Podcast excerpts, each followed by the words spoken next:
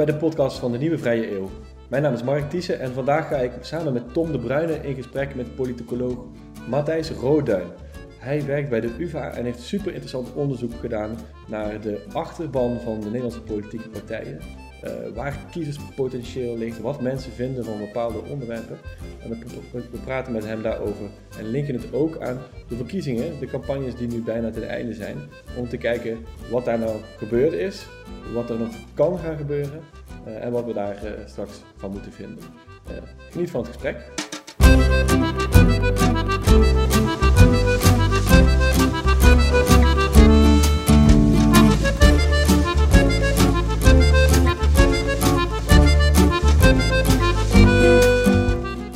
Hi Matthijs, leuk dat je er bent. Leuk om te zijn. Zeker. Tom de Bruyne, jij ook? Joe, dag Mark, dag Matthijs.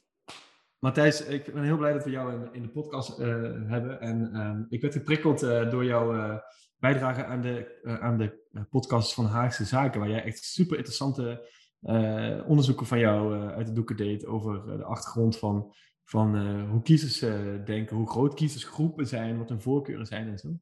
Uh, en toen ontmoetten wij elkaar, ik denk een paar weken daarna, en inmiddels een week of twee, drie geleden, bij de Bali, waar een leuke rondetafelgesprek was over politiek. dus ik dacht, ik ga meteen vragen of jij een keertje bij ons wil langskomen voor deze verkiezingscampagne check-in. En dan kunnen we met jou even wat meer de diepte in. Hè? Tom en ik die blijven altijd hangen bij wat, is de goede, wat zijn de goede frames hè? En, en wie zei wat. En zo. Maar jij kan ons vervolgens ook van van de argumenten voorzien van uh, degelijk onderzoek en dat soort dingen. Misschien kan je wat... Zware last nou op mijn schouders. Ja, precies. ja, ja. hey, misschien, misschien kan je wat vertellen over jezelf, uh, wat je doet en wie je bent. Ja, ik werk als politicoloog aan de Universiteit van Amsterdam. dat doe ik onderzoek naar eigenlijk allerlei dingen die te maken hebben met kiesgedrag, met publieke opinie. Um, en dan met name, uh, eigenlijk mijn meeste onderzoek gaat over uh, populisme en rechtsradicalisme. Niet alleen in Nederland, maar in allerlei verschillende landen. Um, en in aanloop naar de verkiezingen van woensdag heb ik een, ik heb samen met een collega samen een, een, een, tijd geleden een blog begonnen, die heet Stuk Rood Vlees. Um, en daar heb ik een reeks uh, uh, artikelen geschreven over de electoraten van de tien grootste partijen volgens de huidige peilingen. En wat ik daarin eigenlijk doe is, ik ga in op, uh, ja, eigenlijk op de vraag wat zijn de sociaal-demografische kenmerken van, hè, van kiezers van iedere partij. wat zijn hun opvattingen? Hoe zijn die opvattingen veranderd ehm, in de loop van de tijd? En dat heb ik dan telkens ook een beetje, ik heb geprobeerd om dat te koppelen aan de huidige campagne. En hoe, of je nou kunt terugzien hoe de leiders van verschillende partijen omgaan met uh, kennis van wie hun kiezer nou eigenlijk precies is. Um, en dat, heb ik, uh, dat heet plaatjes van de electoraatjes. Aan de hand van een aantal leuke plaatjes heb ik die electoraatjes, oftewel de achterbannen van die uh, partijen, proberen te kenschetsen. Wat is nou, als je, als je zeg één of twee dingen mag noemen die jou zelf het meest verbaasden, die uit, het, uit de plaatjes kwamen, wat zijn dat dan? Ik denk um, dat het dan uh, het meest interessant vond ik het eigenlijk altijd als er uh, ontwikkelingen over de tijd waren. Dus als de achterbannen van bepaalde partijen uh, veranderd waren over de tijd. Ik heb gekeken naar de afgelopen tien jaar. Dus dat is best een, best een aardige tijd. En dan zie je ook wel een aantal verschuivingen. En dat vond ik altijd heel interessant. Ook omdat, ook omdat dat ook weer allerlei nieuwe vragen oproept. Je weet niet precies waar die verschuivingen door komen. Maar um, laat me een paar van die verschuivingen noemen. de eerste is dat de achterban van de PVV op sociaal-economisch vlak linkser is geworden in tien jaar tijd. Dus ze zijn eigenlijk uh, sterker van mening geworden dat uh, de inkomens herverdeeld moeten worden. Um, dat vond ik een hele opvallende ontwikkeling. En, en wat ik al zei, we weten niet precies wa waardoor dat komt. Het kan zijn dat, er, dat de, de, de, vaste kiezers van de PVV van mening zijn veranderd. Het kan zijn dat er meer kiezers bij de PVV zijn gekomen met linkse opvattingen op dat vlak. Dus dat er nieuwe kiezers bij zijn gekomen. En het kan zijn dat juist uh, economisch gezien wat rechtse kiezers weg zijn gegaan bij de PVV. Dus dat zijn allemaal mogelijkheden voor die uh, ontwikkeling. Um, een andere ontwikkeling is dat bijvoorbeeld de ChristenUnie-stemmer een stuk uh, progressiever is geworden met de tijd. En dat de, gemiddeld gezien de VVD-stemmer cosmopolitischer is geworden. Um, en zo zijn er nog wel meer. Maar dit, deze ontwikkelingen over de tijd, dus dat je echt ziet dat gemiddeld gezien eh, de opvattingen van een achterban van een partij veranderen. Dat vond ik eigenlijk het, leuk, het leukst, het interessantst.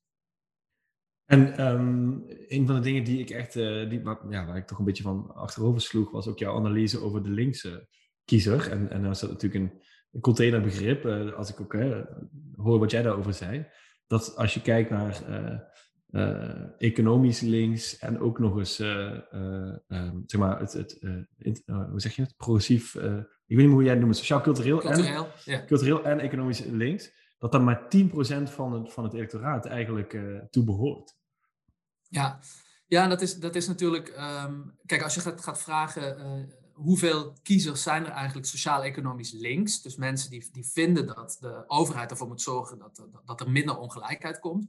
Bijvoorbeeld door het herverdelen van inkomens. Dan zie je dat dat een meerderheid is. Dus 60% ongeveer van de kiezers vindt dat. Dus heel veel kiezers zijn links. Maar als je dat dan ook nog eens uh, hè, zegt, dat, dat de, echte linkse kiezer, als je dat definieert als dat je links bent op verschillende vlakken, dus dat je dan ook links bent op sociaal-cultureel vlak, dan hou je eigenlijk maar een hele kleine groep over. Uh, dus, dus links betekent dan dat je uh, sterk cosmopolitisch bent. Dat je vindt dat, dat, dat je voor de multiculturele samenleving bent. Dat je vindt dat de Europese eenwording verder zou mogen gaan. Um, als je die mening hebt gecombineerd met een links-economische opvatting, ja, die groep die, die je dan overhoudt, dus die op allebei die terreinen links zijn, dat is eigenlijk maar 10, misschien maximaal 15 procent. Het is een klein beetje afhankelijk van hoe je het allemaal precies meet en definieert. Verklaart toch... dat een stukje het succes van PVV? Namelijk, uh, uh, eigenlijk uh, zijn, er, zijn er toch wel best wel linkse elementen in dat programma, maar cultureel gezien dan weer eh, helemaal rechts. Ja, ja dat is, uh, is, is, interessant dat je dat, dat opmerkt. Ik denk dat dat uh, heel belangrijk is. Want als je, zoals ik net zei, die kiezer zo gaat indelen, uh, dan is er natuurlijk ook een kiezer die sociaal-economisch links is, maar cultureel vrij rechts is. Dus daar vrij nationalistisch is. En dat is ongeveer 30% van de kiezers. Dus okay. een derde van de kiezers die is sociaal-economisch vrij links en sociaal-cultureel vrij rechts. En het, wat nou het interessante is, is dat eigenlijk al jaren decennia eigenlijk al, dat er daar eigenlijk geen partij is. Er is geen politieke partij die echt sociaal-economisch links combineert met sociaal-cultureel rechts. Er zijn wel twee partijen die een beetje die richting uh, opzitten. Dat zijn aan de ene kant de SP, aan de andere kant de PVV. Um, maar toch zijn die, de, de SP zou ik cultureel niet echt rechts noemen. Wel veel rechtser dan de PvdA of, uh, of GroenLinks. En de PVV zou ik sociaal-economisch ook niet echt links noemen.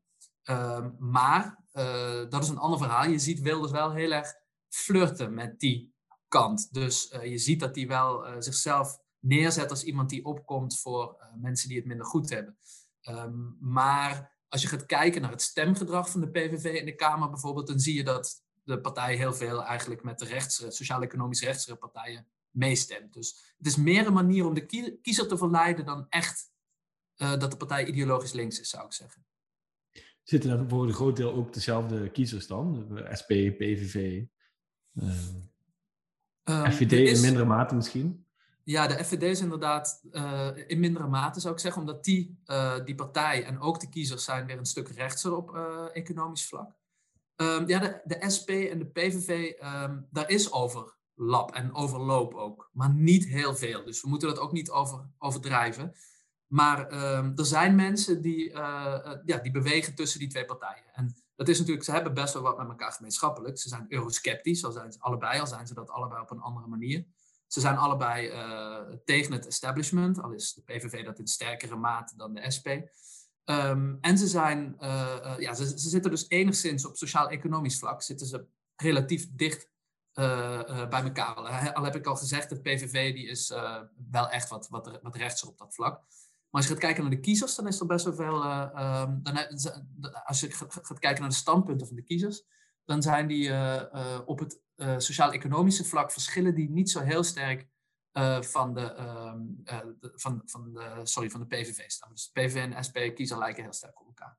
En um, het is, wat, wat, je vooral ziet, wat je uit onderzoek ziet, is dat op het moment dat mensen die in, in dat kwadrant zitten, hè, dus die sociaal-economisch links zijn, sociaal-cultureel rechts, dat die vaker op een partij als de PVV stemmen, wanneer zij die culturele issues het belangrijkst vinden, immigratie, Europese eenwording, en, het, en eerder op een partij als de SP stemmen op het moment dat ze die economische issues belangrijker vinden.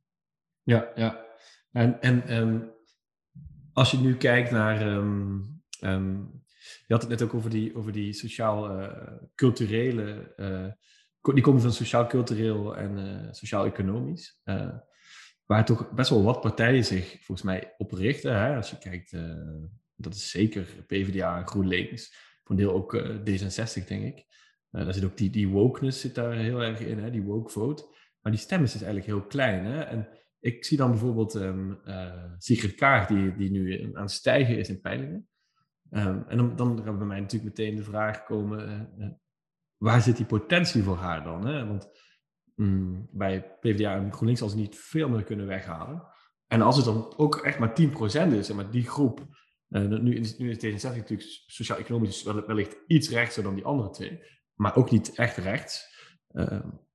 Is dat niet gewoon een plafond wat zij al snel zal bereiken dan bij zeg maar 19, 20 zetels? Nou, D66 heeft een, uh, neemt een, als je, zeker als je gaat kijken naar kiezerstromen, uh, dus hè, dat, dat neemt D66 een hele interessante positie in. Omdat, laten we even kijken, ideologisch zou ik zeggen dat D66 op cultureel vlak heel sterk lijkt op, op, op, op, GroenLinks, PvdA um, en, en misschien nu ook Volt, Bijeen. Maar als je op sociaal-economisch vlak gaat kijken, dan is de partij een stuk minder rechts dan de VVD. Maar zou, zeker in het midden. Echt, wel, echt wel anders dan, dan de SP of GroenLinks of PvdA. En dat zie je ook terug bij de kiezers. Wat, wat, zijn dan de punten waarop jij dat toetst? dat zij sociaal-economische aan de misschien centrum-rechtse kant zouden vallen? Nou, hier gaat het, gaat het eigenlijk echt vooral om het. Uh, ik, ik, ik zou zeggen, als je puur ideologisch gaat kijken, dan, dat, het echt een liberale uh, partij is, net als de VVD. Alleen dat zij, het, dat, dat zij net iets meer dat sociale ook benadrukken. Ze doen dat ook letterlijk in, hun, in hun verkiezingsprogramma bijvoorbeeld. Dat vind ik wel interessant. Zeggen ze, um, zeggen ze letterlijk zoiets van: wij vinden gelijkheid heel belangrijk, maar alleen maar omdat het doel is dat we met z'n allen vrij kunnen zijn. Dus zij willen ook niet dat de staat te veel ingrijpt in bijvoorbeeld de economie, om het even breed uh, te zeggen. Natuurlijk vinden ze dat wel weer, hè, dat, dat is dat sociale aspect, vinden ze dat weer meer dan, dan bijvoorbeeld de VVD dat vindt. Ja. Of dan ja 21 dat vindt. Um, maar dus, dus ik denk op dat uh, sociaal-economische vlak, en ook als je gaat kijken naar de opvattingen van kiezers, die verschillen eigenlijk op dat vlak, sociaal-economisch, niet van die van bijvoorbeeld uh, CDA. Of, uh, dus hè, dus, dus dat, dat, daar zou ik D66 echt een middenpartij doen. Wat nu echt het interessante is, volgens mij bij D66, is dat het een partij is die kiezers aantrekt uit zowel het linkerblok als het rechterblok. Dus, uh, en dat is een groot voordeel en een groot nadeel voor D66. Want D66 kan tegelijkertijd heel klein worden uh, en heel groot worden. Dus, en dat is een van, van de, ja, dat, dat, is een van de, eigenlijk de kerneigenschappen van D66 ook altijd al geweest. Eh, ze kunnen uit beide hoeken kiezers aanzuigen, maar ze kunnen ook aan beide kanten kiezers weer verliezen. En eigenlijk is D66 de enige uh, partij die echt een, uh, een, tussen die twee blokken in zit. mensen stemmen vaak of op linkse partijen of op rechtse partijen. Daar, daar binnen switchen ze behoorlijk, kunnen ze behoorlijk switchen. Maar ze gaan niet zo snel van de ene kant over naar de andere kant. Maar D66 is eigenlijk het bruggetje wat het wel kan. Ja. Ja, als er zeg maar een, kampioen op rechts is en een kampioen op links, dan zijn zij echt de lul. Maar als er op een van die kanten iets, uh, niet zoiets is, dan kunnen zij in dat gat springen. Precies. Oké, interessant. Dan is Kaag daar misschien inderdaad. Je zegt dus dat, uh, dat, uh, dus dat eigenlijk qua opvattingen, economisch gezien, 60% van de kiezer er toch eerder linkse ideeën over nahoudt. Maar de twee by far grootste blokken in Nederland zijn PVV en VVD. Ja. Dus blijkbaar stemmen mensen dan toch niet economisch. Ja, het is, het is, um, hier is natuurlijk, gaat het ook een beetje spelen hoe je links en rechts definieert. Hè? Want uh, um, de, de PVV is dus sociaal-economisch helemaal niet zo rechts. Die wordt vooral rechts gezien vanwege de opvattingen op uh, cultureel vlak. Ja. Um, en, maar het is absoluut, uh, het, het, is heel interessant dat als je gaat kijken naar dat, dat een meerderheid van de kiezers vindt zichzelf sociaal-economisch rechts. Terwijl als je gaat kijken naar wat voor partijen mensen stemmen, dat het nog nooit is voorgekomen dat het linkerblok groter is dan het rechtse blok. Het, het, het, fluctueert allemaal een beetje, maar het rechtse blok van partijen is structureel groter dan het linkse blok in Nederland. Dat is altijd zo geweest en dat uh, gaat voorlopig ook zeker niet veranderen. Zeker als je, als je nu kijkt, doen de linkse partijen het zeker ook niet uh, goed. Maar hier begint, begint dus wel een beetje het, het, het, probleem te ontstaan dat als wij het over links versus rechts hebben in het algemeen, dat er allemaal dingen door elkaar spelen. Dus sociaal-economisch, sociaal-cultureel, misschien ook ethisch. Ehm, en dat maakt het wel wat lastiger. En um, ik zou, want in je onderzoek uh, heb je een aantal punten die ik heel interessant vind, die, waar je echt op toetst, ook in vergelijking met andere partijen. Bijvoorbeeld bij de VVD, hè, dan ga je kijken naar hoe staat die partij nou tegenover Europa en op immigratie, en tegenover, hè, in vergelijking met de andere partijen. En um, ik vind het wel leuk, om, ook omdat wij vaak over een aantal van dat soort onderwerpen spreken, om eens te kijken hoe dat er dan uitziet. Hè? En um, nou, het eerste wat ik gewoon interessant vind om, om jou te horen is, uh, Mark, Rutte zei dat volgens mij dit weekend nog, of net daarvoor. Hè? Hij zei, de VVD is echt een, een volkspartij, een brede volkspartij. Um, en ik denk, ja, de, gewoon de vraag aan jou, klopt dat? ik denk dat hij uh, voor een deel wel gelijk heeft, zeker nu. Uh, en dat als je gaat kijken naar bijvoorbeeld, als je gaat kijken naar de drie traditionele partijen in Nederland, hè, de, de drie traditionele middenpartijen, CDA, VVD en PvdA dan zie je eigenlijk dat die partijen gigantisch veel zetels zijn verloren in de afgelopen decennia. Ze zijn een stuk kleiner geworden. Ze hadden al heel, heel lang hebben ze samen meer dan 100 zetels gehad van de 150 en nu zitten ze onder de 75. en dat gaat nu waarschijnlijk weer, weer zo worden bij deze verkiezingen. Um, en het interessante is dat die neergang van die drie middenpartijen, dat die kun je vooral op het konto schrijven van de PvdA en CDA, niet van de VVD de VVD doet het eigenlijk gewoon heel goed. En je ziet ook, als je gaat kijken naar de achterban van de VVD, dat, dat is best wel een, een, een gemengde groep. Dat zijn, uh, de, de, VVD weet kiezers uit allerlei verschillende hoeken eigenlijk te trekken. En nu met de coronacrisis is dat volgens mij in nog sterkere mate het geval. Omdat, um, uh, ja, omdat heel veel mensen, hè, de, we weten dat, die, dat zij nu tijdens deze verkiezingen het heel belangrijk vinden om een stabiel bestuur te kiezen en om betrouwbare leiders te kiezen. Dat zijn belangrijke motivaties voor hen om, om op een bepaalde partij of leider te stemmen. En we weten ook dat dat, dat gewoon heel goed nieuws is voor Rutte. Um, en dus ik, ik, denk dat de VVD sowieso er goed in is geslaagd de laatste jaren, neem even het laatste decennium, om kiezers uit verschillende hoeken te trekken. Um, en de coronacrisis biedt de partij een extra uh, mogelijkheid eigenlijk om dat te doen. Omdat Rutte zich heel goed kan profileren als uh, sterk en succesvol leider. Ja, ja. En um, dit zal hij leuk vinden om, om te horen trouwens, denk ik. um, een van de dingen die mij ook opviel was dat jij de VVD-groep echt toch kenmerkte als sociaal-economisch rechts. En dat ze zichzelf ook zo zien, hè? dat is interessant. Um, in hoeverre klopt dat dan bij wat de media nu ook wordt geschetst als een verschuiving van de VVD juist naar sociaal-economisch, nou niet, niet, naar links, maar Tim van Snel zou zeggen naar het centrum ja. en, naar het midden opschuift. Eh, past dat dan wel bij, de, bij die kiezersgroep? Ja, je, volgens mij is het altijd eh, een kwestie van uh, mate van, van gradatie. Hoe ver ga je schuiven? En um, ik, ik ben het er wel mee eens dat de VVD uh, in ieder geval in ieder geval in de retoriek van de partij dat die veranderd is. Dus het gaat nu heel vaak om de middenklasse. Het gaat minder om de multinationals. En dat zag je al, hè, dat, dat, dat zag je eigenlijk. Um, het, het, gedoe met de dividendbelasting volgens mij speelde een grote rol. En toen de notitie van, ehm, van, van, van de VVD, die, die toen eigenlijk ging over de nieuwe koers van de partij. Waar, van Klaas Dijkhoff, waarin, het, ja, waarin, het dus, waarin die middenklasse heel erg centraal begon te staan. En volgens mij is dat ook heel bewust een strategie geweest om de VVD aantrekkelijker te maken voor de iets linksere kiezer. Niet per se links, hè, maar iets linkser. Um, dus om, om op die manier eigenlijk buiten de, misschien de kernvijver van, van, van de VVD te vissen. Um, en uh, ik, ik geloof dat dat een, een, een bewuste strategie is om, om, om aan die kant wat meer kiezers te trekken, zonder eigenlijk de kernachterban te verliezen, dus niet te verder in te gaan. En ik denk dat Rutte iets soortgelijks doet uh, op uh, cultureel vlak. Dus dat hij ook probeert om de mogelijke of de potentiële of daadwerkelijke kiezers van de PVV of Forum voor Democratie naar de VVD toe te trekken. door zich streng uit te laten over immigratie. Um, bijvoorbeeld laatst in een Volkskrant-interview waarin hij zei dat als er een nieuwe vluchtelingencrisis komt, dat de grenzen dan misschien wel dicht moeten. Daar zie je volgens mij weer heel duidelijk dat hij flirt met, die, met Henk en Ingrid eigenlijk. Um, en volgens mij ehm, is, dat, is dat een van de dingen die, die Rutte als de beste kan. mee, meebuigen. Of meeveren noemt Petra de, journalist Petra de Koning dat. Ja, dat, vind ik wel een mooie artikel inderdaad. Ja, meeveren zonder dat wat je zegt.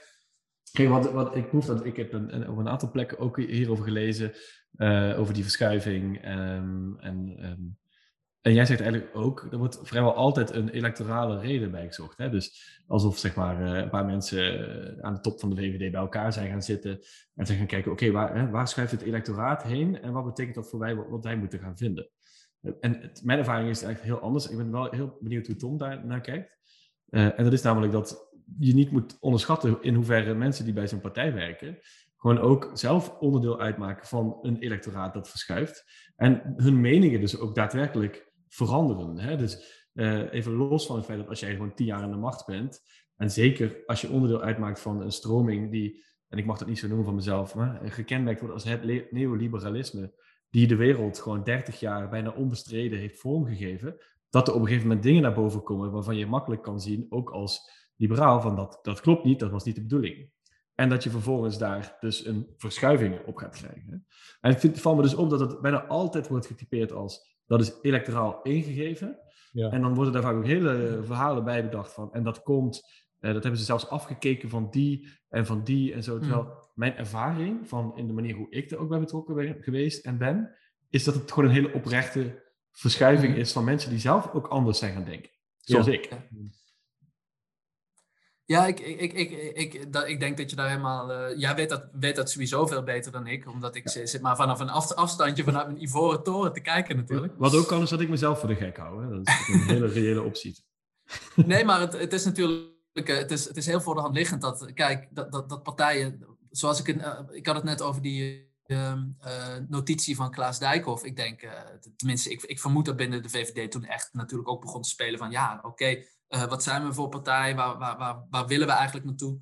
Um, En dat die twee ook niet altijd van elkaar losgekoppeld kunnen worden. De, want jij bent zelf, en zoals, zoals je heel goed zegt, je bent zelf natuurlijk ook eigenlijk onderdeel van jouw electoraat. Uh, uh, hè, als, um, binnen de VVD. En ten tweede denk ik, wat ook een heel belangrijk punt is, en wat ook een kritiek is op mijzelf en, en, en politicologen, is dat wij heel vaak doen alsof um, partijen um, hele rationele actoren zijn die bepaalde kanten op bewegen. Maar vaak is het natuurlijk gewoon een rommeltje ook. En wordt er ook maar wat geprobeerd. En, uh, en, en, en, zie je dan vervolgens wat er gebeurt. En uh, dat is van allerlei factoren afhankelijk. Ja, dus, uh, en domheid. Vergeet domheid niet. Dat is een belangrijke factor. Tom en ik maken wel eens gebruik van een, een, dat noemen een mentaal model, een manier om te kijken naar de werkelijkheid. En het heet het scheermes van Handelen. En dat betekent, dat het gaat eigenlijk over dat, uh, um, dat het veel waarschijnlijker is dat er domheid dan opzet in het spel is bij alles wat je ziet. Terwijl mensen geneigd zijn om altijd te denken dat iets opzet is. Hè? Dus iemand zei iets over jou, zonder daar iets mee te bedoelen. Of en jij denkt meteen, wat, daar bedoelt hij iets mee. En, en in de politiek is het heel erg aanwezig. Dus bijna alles wordt gezien in termen van opzet, strategie. Terwijl mijn ervaring is, dat 75% is gewoon per ongeluk, niet zo bedoeld en soms ook gewoon domheid. En een deeltje is, is strategie, zeg maar. Ja, ik, ik, denk uh, daarbij aansluit, ik moest ook even nadenken over wat je zei, uh, over dat manifest van Klaas. Ik denk dat, uh, dat hij in dat manifest, het liberalisme dat werkt voor de mensen, eigenlijk de eerste was die, die geprobeerd heeft om toch een soort veranderende stroom in de samenleving in woorden te vatten. En hij, heeft het ook opgezet toen als een soort prototype. En, en met, eigenlijk even grote nieuwsgierigheid van, ja, roepen die woorden iets op wat, wat daadwerkelijk aanslaat binnen de partij. En hij heeft dan vervolgens heel lang uh, heel het land mee afgelopen om ook dat verhaal verder aan te scherpen. Maar hij had duidelijk een soort, ja, een aantal kernideeën over, um, over hoe het liberalisme terug interessant en relevant kan zijn. Heeft hij eigenlijk duidelijk te pakken gehad daarmee. En dan vervolgens best wel laat ons zeggen, mensen hun denken geïnfecteerd. Uh, en dus, ja, dat, dat, is, dat is ook echt super interessant om te zien hoezeer dat het inderdaad een soort heel grijze tussenvorm is tussen, tussen signalen oppikken en dan wachten tot iemand het briljant onder woorden brengt, voordat het dan ineens uh, zijn doorgang vindt in programma, in discours enzovoort. Ja. Wat ik eigenlijk ook nog wel heel benieuwd naar ben, uh, is, ja, jouw onderzoeksonderwerp is extreem rechts. Um, als ik denk aan 2016, 2017, dat was, uh, ja, de, de grote angst was dat de PVV groot zou worden. Nu, misschien is het omdat we nog een gekkere gek aan, de extreemrechtse kant hebben, lijken we bijna zelf gewoon knuffelbaar te vinden. Uh, maar, maar wat is er met extreem rechts aan de hand in Nederland? Um, ja, ik, ik, ik, noem het altijd radicaal rechts. Omdat ik maak een onderscheid tussen uh, extreem rechts. Dat zie ik als groepen die de democratie willen afschaffen, die geweld willen gebruiken. Hè. Dat, dat, dat, dat, is echt de, de extreme kant. En radicaal rechts, dat, dat, zijn dan de partijen zoals de PVV, Forum um, en Ja 21. de partijen die niet hardop zeggen, maar misschien wel willen. Dat, dat weten we uh, in, in, inderdaad. En, en dat is wel, wel, een goed punt eh, wat je daar maakt. Want je ziet uh, dat in een heleboel landen. Uh, kijk, als je gaat kijken naar Hitler of zo. Die was er altijd heel duidelijk over dat hij de democratie maar niks vond. En dat hij de boel wilde afschaffen. Maar er zijn tegenwoordig ook echt wel wat voorbeelden van partijen die zich redelijk gematigd opstellen. En dan vervolgens steeds extremer blijken te zijn. Neem Orbán in Hongarije bijvoorbeeld. En dat zie je ook in ja. Polen nou. Um, maar het is absoluut waar. In 2017 was er, uh, had je de, de, de, de, eigenlijk de domino-theorie. Toen hadden we net de Brexit gehad. We hadden net uh, de verkiezing van Donald Trump gehad. En toen stond het Binnenhof ook helemaal vol met, uh, met CNN, Al Jazeera, alle grote omroepen die waren op het Binnenhof om te kijken of, de, of, of Nederland de volgende domino-state zou zijn.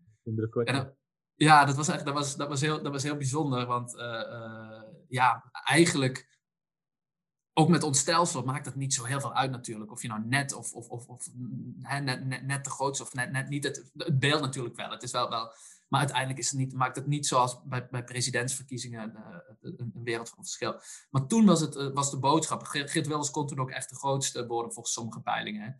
Um, en nu is dat veel minder zo. Dat is ten eerste omdat uh, de, de, VVD natuurlijk veruit aan kop gaat. Um, maar wat interessant is, de, de PVV is een, uh, uh, is, een, is een goede tweede. En je hebt natuurlijk ook nu FVD. en die is heel groot geworden en ingestort. Heb je Ja 21, ook met zetels. Dus we zouden nu straks drie radicaal rechtse partijen in het parlement krijgen als de huidige peilingwijzer even werkelijkheid zou worden. en ik denk dat, een, een, dat, dat twee dingen daar interessant bij zijn. Ik denk de eerste is dat corona is relatief slecht nieuws voor deze partijen. Want zij willen het graag over Europa hebben, uh, maar vooral over immigratie, uh, islam, wilders. Um, en die onderwerpen zijn nu gewoon net even iets minder belangrijk dan ze uh, eerder waren. Ja. Um, dat is slecht nieuws. En voor de partijen individuele slecht nieuws dat het zo versplinterd is. En dat je drie partijen hebt waar, waar mensen op kunnen stemmen, waardoor ze niet echt één, één partij hebben die echt een vuist kan maken. Um, maar ik vermoed, kijk, die, de, de, uh, de, de, de, voedingsbodem voor radicaal rechts is gewoon groot en die blijft ook groot. Uh, want je ziet iedere keer weer dat, dat, er, dat als een partij het even goed doet als de leider uh, aansprekend is, dat zo'n partij in één keer heel erg kan groeien. en als we strakjes uit de coronacrisis komen, of in ieder geval als het wat meer naar de achtergrond gaat verdwijnen, Um, dan gaat het ook waarschijnlijk weer meer over immigratie. Dan gaat het misschien meer over klimaat, wat ook steeds meer een onderwerp is van deze partij. Dan, gaat het, uh, uh, dan worden mensen misschien steeds meer ontevreden over wat er nou gebeurd is. Uh, komt er meer ongelijkheid. En dat zou allemaal best wel goed nieuws voor deze partijen kunnen zijn. Dus ik denk dat voor radicaal rechtse verkiezingen eigenlijk net iets te vroeg komen. En, en die voedingsbodem, wat zeg je onderzoek daarover? Wat is die voedingsbodem? Nou, die is, die is eigenlijk best wel groot. Er zijn best wel wat mensen die relatief nationalistisch zijn. Die vinden dat, uh, die, die heel sceptisch zijn over Europese eenwording, over immigratie. Er zijn best wel wat mensen die ontevreden zijn met de politiek. Um, en deze mensen, um, die, die nou ja, er is vrij veel, over, als ze die onderwerpen ook echt heel belangrijk vinden, dan is er best wel wat overeenstemming tussen wat zij vinden en wat deze partijen zeggen. Um, en, en, kijk, en zij zullen dan ook best wel geneigd zijn om op zo'n partij te stemmen. Dat gebeurt nu niet meer bij Thierry Baudet. Eigenlijk omdat hij het zelf verprutst heeft. Omdat hij, uh, ja, uh, zijn imago is nu gewoon echt zo erg beschadigd dat hij nooit meer zo groot zal worden als hij ooit was in de peilingen, denk ik. Ik weet het nooit, maar dat, dat, dat, vermoed ik. Ik vermoed zeker dat hij nog een aantal zetels gaat halen, zeker nu. Uh, omdat hij ook mensen aan, omdat hij eigenlijk de enige is die echt een ander geluid op coronagebied laat horen. Um, en dat, daar zullen echt wel wat mensen door overtuigd zijn, maar daarmee gaat hij nooit 20 zetels of zo aan. Als je, en als je, we komen nu toch langzaam in de campagne weer terecht. Als je kijkt naar de huidige stand van zaken, um, kan je dan spreken van partijen die aan het uh, onderpresteren zijn en het, en uh, overpresteren, zeg maar. De VVD zal aan het overpresteren zijn, omdat zij natuurlijk die, die bonus krijgen die ze normaal niet zouden hebben gehad. Eh, maar dat betekent automatisch dat er andere partijen natuurlijk aan het, aan het onderpresteren zijn, als je kijkt naar uh, hun potentiële achterban. Ja, ja, ik denk dat, dat, dat een aantal partijen. Ja, ik, ik denk dat het grootste verhaal is dat de VVD is, is van de VVD tegenover de rest. De VVD is echt aan het overpresteren, denk ik. Um, omdat, ja, omdat, omdat heel veel, Rutte heel veel kiezers naar zich toe haalt. En ik, ik, ik, mijn vermoeden is dat als Rutte uh, op een gegeven moment zou, zou wegvallen, dat de VVD dan wel echt een probleem heeft. Want, uh, en, en daar heb ik, de, de, de, reden daarvoor is eigenlijk dat, um, dat ik niet snel zou inzien waarom de VVD niet uiteindelijk structureel gezien een soortgelijk probleem heeft als de PvdA en, uh, en het CDA. Um, en ik denk Um, kijk, we hebben, als je nu gaat kijken naar, naar, naar, hoe het eruit ziet, de structuur en de peilingwijzer, dan even uit mijn hoofd, dan is het één hele grote partij, de VVD. Dan heb je zes middelgrote partijen um, en dan heb je een stuk of acht wat kleinere partijen. En volgens mij is het zo dat we nu eigenlijk in een stelsel zitten waarin die uh, zeven of acht middelgrote partijen, um, die kunnen heel snel pieken en heel snel dalen. De VVD is een voorbeeld van uh, snel pieken. Een vorm van democratie is een voorbeeld van instorten. Um, maar dat kan volgens mij heel snel gaan. En ik denk dat dat, uh, en, dat, dat ook bij de, bij de VVD uh, een, een, belangrijk issue gaat worden. Dat weten we nooit zeker, maar dat, dat denk ik. Als je dan gaat kijken naar welke partijen onderpresteren, vind ik lastig. Maar ik denk, uh, als je gaat kijken ook naar welke issues mensen belangrijk vinden. En gaat kijken naar, um, naar wat jongeren ook vinden. Dus wat in de toekomst belangrijk zal worden. Dan, dan, dan denk ik dat GroenLinks nou onderpresteert. Uh, omdat uh, klimaat is natuurlijk een, dat zeggen kiezers ook, hè, vinden ze een heel belangrijk thema. Maar bij deze verkiezingen speelt net weer iets meer mee dat ze een stabiel bestuur willen en, en, en, dan vooral Rutte als een uh, goede leider zien. En ten tweede denk ik dat um, de, een andere linkse partij, dat de SP onderpresteert. Omdat, omdat er best wel wat kiezers zijn die sociaal-economisch sterk links zijn, maar sociaal-cultureel uh, niet heel links zijn, maar meer in het midden zitten. En dat is de typische SP. Uh, uh, dat, dat is ook eigenlijk de opvatting, zijn ook de opvattingen van de SP. Dus ik ben er altijd wel weer een beetje verbaasd over dat de SP het, het, het, nou, het, het helemaal niet zo heel erg goed doet. Um, en ik denk dus, we hebben eigenlijk wat ik net al zei, dat, dat, dat radicaal rechts ook relatief onderpresteert nou, door de coronacrisis. Behalve misschien helemaal, ik denk dat Thierry Baudet nou overpresteert trouwens omdat, uh, omdat hij profiteert van het feit hè, dat, dat we corona hebben en dat hij die, die, die, uh, die relatief kleine, maar niet onbelangrijke groep sceptici misschien op de, op de been ja. Dus Rutte krijgt de premiersbonus eh, op corona en Baudet krijgt de asshole bonus of zo op corona. ja. ja. Hey, maar wat, je zei iets heel interessants en dat um, um, namelijk uh, en dat sluit misschien ook aan bij wat wij wel eens besproken hebben, namelijk dat uh, bepaalde onderwerpen door mensen heel belangrijk gevonden worden, maar dat het nu niet eigenlijk naar de oppervlakte komt. Deze verkiezing, bijvoorbeeld bij partij als GroenLinks, waarvan ik trouwens vind dat ze qua campagne helemaal niet zo slecht doen, maar het lijkt erop alsof die campagnes ook gewoon niet ertoe doen. Hè? Dus D66 kan met een matige campagne kan ineens heel hoog scoren, omdat de leider gewoon het goed doet. En tegelijkertijd, uh, GroenLinks heeft uh, waarschijnlijk een betere campagne en doet het slechter. En dat komt natuurlijk door die coronasluier, zoals we dat inmiddels noemen. Um, wat zie jij daar voor, voor een problemen nog uh, uh, in de lange termijn misschien, of, of als korte termijn? Dat mensen nu hun keuze baseren op iets wat helemaal niet misschien is wat ze zouden willen. Uh, en ook dat die verschillen dus helemaal niet naar de oppervlakte worden gebracht tussen die partijen. Ja, ja dit is iets waar, waar, waar, jij en ik, Mark, het natuurlijk ook over hebben gehad in de, in de Bali al en ook, ook, ook daarna nog. Namelijk dat, dat ik denk dat het wel Um, nou ja, problematisch is dat, dat je ziet dat nu in deze campagne het voornamelijk ja, dat je die coronasluier hebt en dat het voornamelijk over corona gaat en dat, uh, en dat sommige partijen ook uh, de nadruk daarop leggen dat het daarover moet gaan. Uh, Rutte die heeft dat gedaan, die heeft gezegd dat, we, dat dit niet het moment is om verschillen uit te vergroten. Klaver die heeft dat in zekere zin gedaan door te zeggen dat, dat, dat, dat het nu een moment is om naar elkaar te luisteren en, en, en, en eigenlijk dat soort boodschappen uit te dragen. Terwijl ik denk dat uh, dit juist het moment is om uh, ook de verschillen te benadrukken tussen partijen. Um, omdat um, ja, we gaan nu natuurlijk naar, naar, naar de stembus en we hopelijk kiezen voor vier jaar een, eh, een parlement of een, een Tweede Kamer. Um, en die gaan het niet alleen maar over corona hebben natuurlijk de komende tijd. Tenminste, dan mag ik hopen dat dat op een gegeven moment iets minder gaat worden. En dan, ja, en dan heb je misschien een probleem als, die, als, als, als, als het onduidelijk is waar die partijen voor staan. En jij alleen maar een stem uitbrengt op basis van de opvattingen van partijen over corona. Of het misschien niet eens de opvattingen, maar alleen maar op een partij stemt omdat je vindt dat, dat je denkt dat die leider ons door de coronacrisis kan leiden. En dat geldt natuurlijk voor de VVD, maar dat geldt ook voor het CDA, omdat hè, die, die, die, die, die zetten uh, Hoekstra ook neer als, een, als, als, als, als de leider die, ons door corona kan halen. Um, en ik denk dat dat uh, een, wel, een, wel, een probleem kan zijn. Ja, ik denk dat, dat ik vind het heel interessant wat, wat je zegt. Ik, ik denk dat bij aansluit inderdaad dat GroenLinks, dat als je, als je de verkiezingen laat gaan over leiderschap, dat GroenLinks een broekje heeft wat mensen niet vertrouwen om, om in om in onrustige tijden het land te, te gaan leiden. Daar is hij gewoon te jong voor. Um, en en wat, wat denk ik, dus dat, is een eerste handicap. Ze hadden misschien een meer een, een soort echt, ja, wat wel meer seniorder persoon moeten, moeten uitspelen. Maar een tweede is, dat ze eigenlijk ook enorme kansen laten liggen. Ze blijken van dat groen verhaal heel erg een verhaal te, te maken waar mensen de pap niet van lusten. Omdat het een verhaal is over, over schuld, boete, um, over doemnis. Terwijl dat de New Green Deal eigenlijk een, een heel ander frame was. Dat dat een, een frame ook kunnen zijn om onszelf al investerend in eigenlijk de grootste investeringsopportuniteit die, die voor ongelooflijk veel welvaart en, en, en tegelijkertijd en welvaart kan creëren terwijl we het klimaat aanpakken.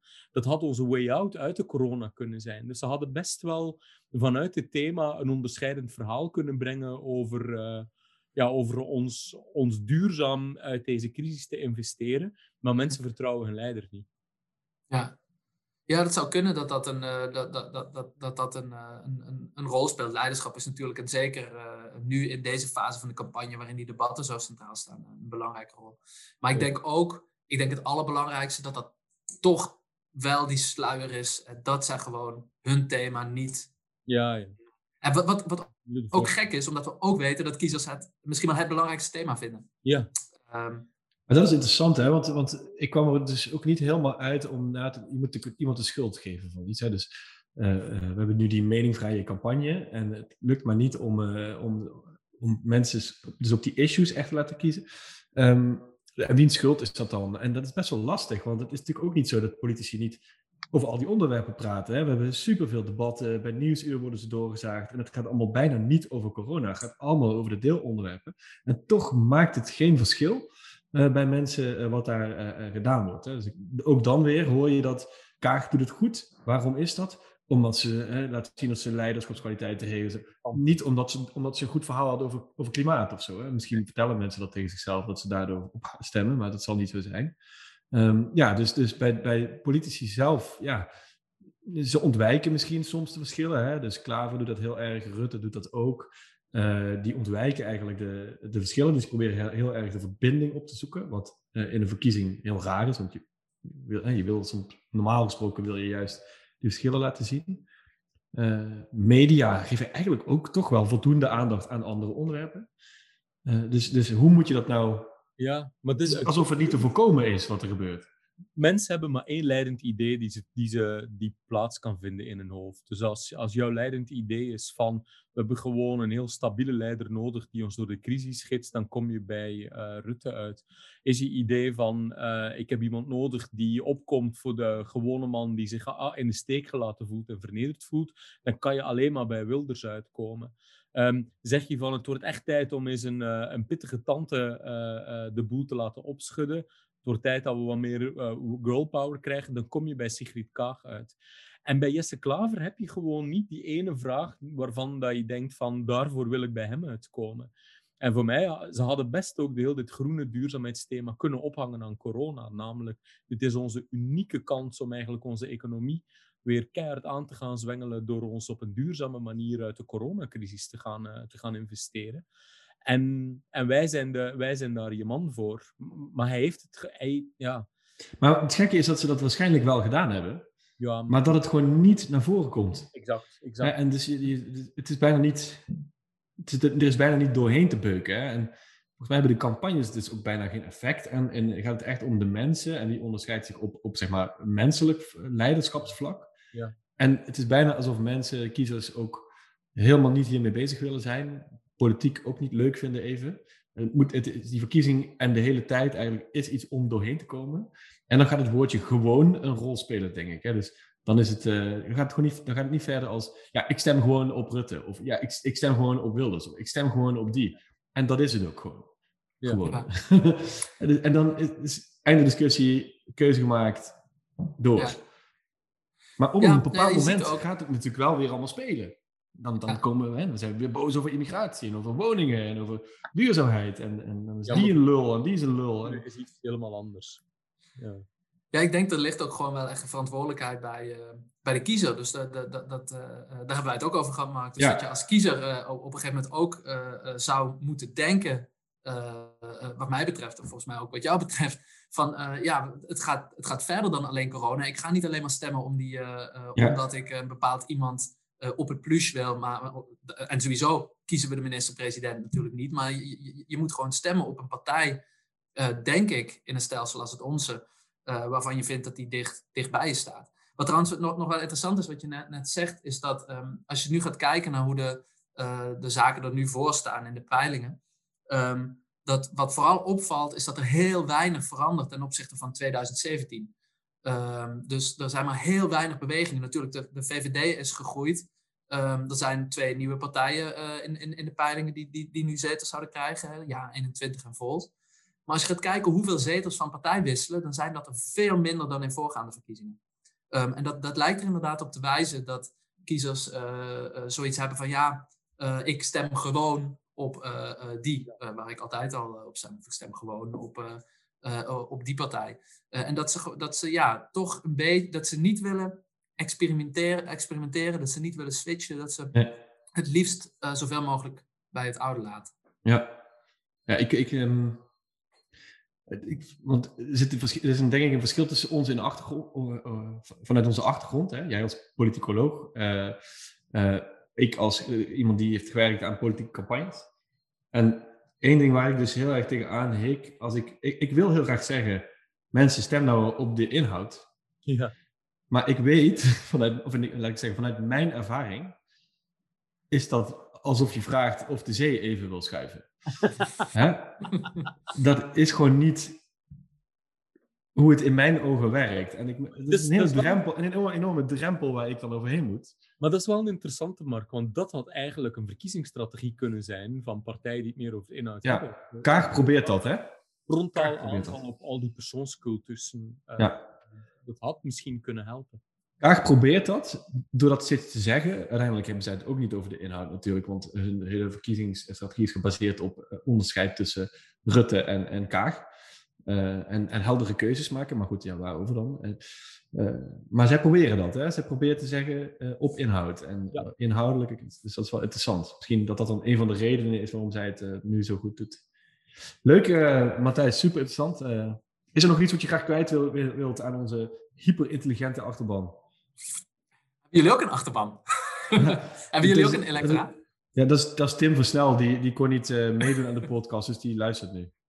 ah ja. Um, nou ja, ik weet het niet. Ik, um, uh, ik, ik ben eigenlijk, uh, of eigenlijk wat, wat ik heel interessant vind, wat ik, wat ik, wat ik net zei, is um, waar we als laatste over, hebben, over hadden, dat, dat kiezers heel weinig lijken te gaan switchen, lijken te gaan veranderen.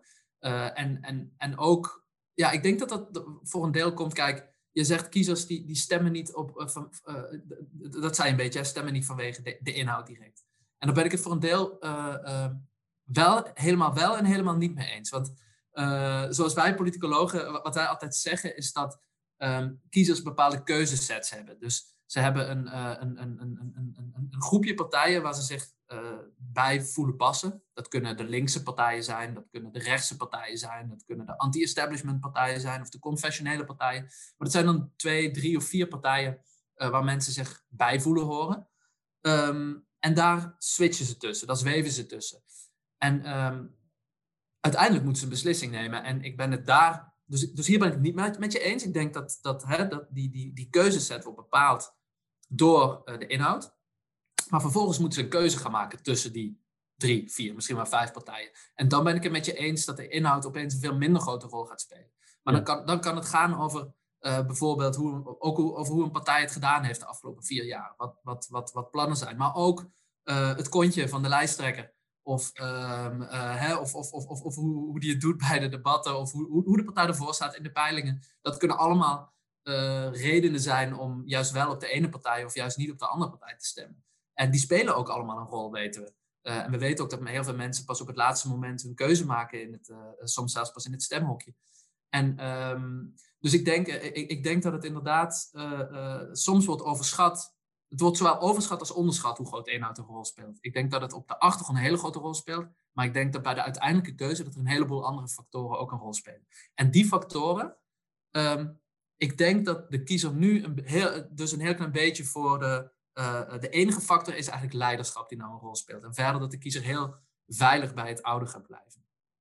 Ja, ja, dat denk ik ook. Ja. Dus krijgen we gewoon een saaie verkiezing. En uh, hij is gelukkig bijna voorbij. Hè? Kunnen we met de volgende bezig gaan zijn. ja, precies. Kunnen we, kunnen we langzaam de vier, aanloop van vier jaar nemen. Heb je nog een, uh, een tip voor uh, een super interessant boek... dat echt volgens jou helemaal laat zien... hoe onze huidige politieke spectrum in de westerse wereld in elkaar steekt? Misschien van een politicoloog of juist iets helemaal anders?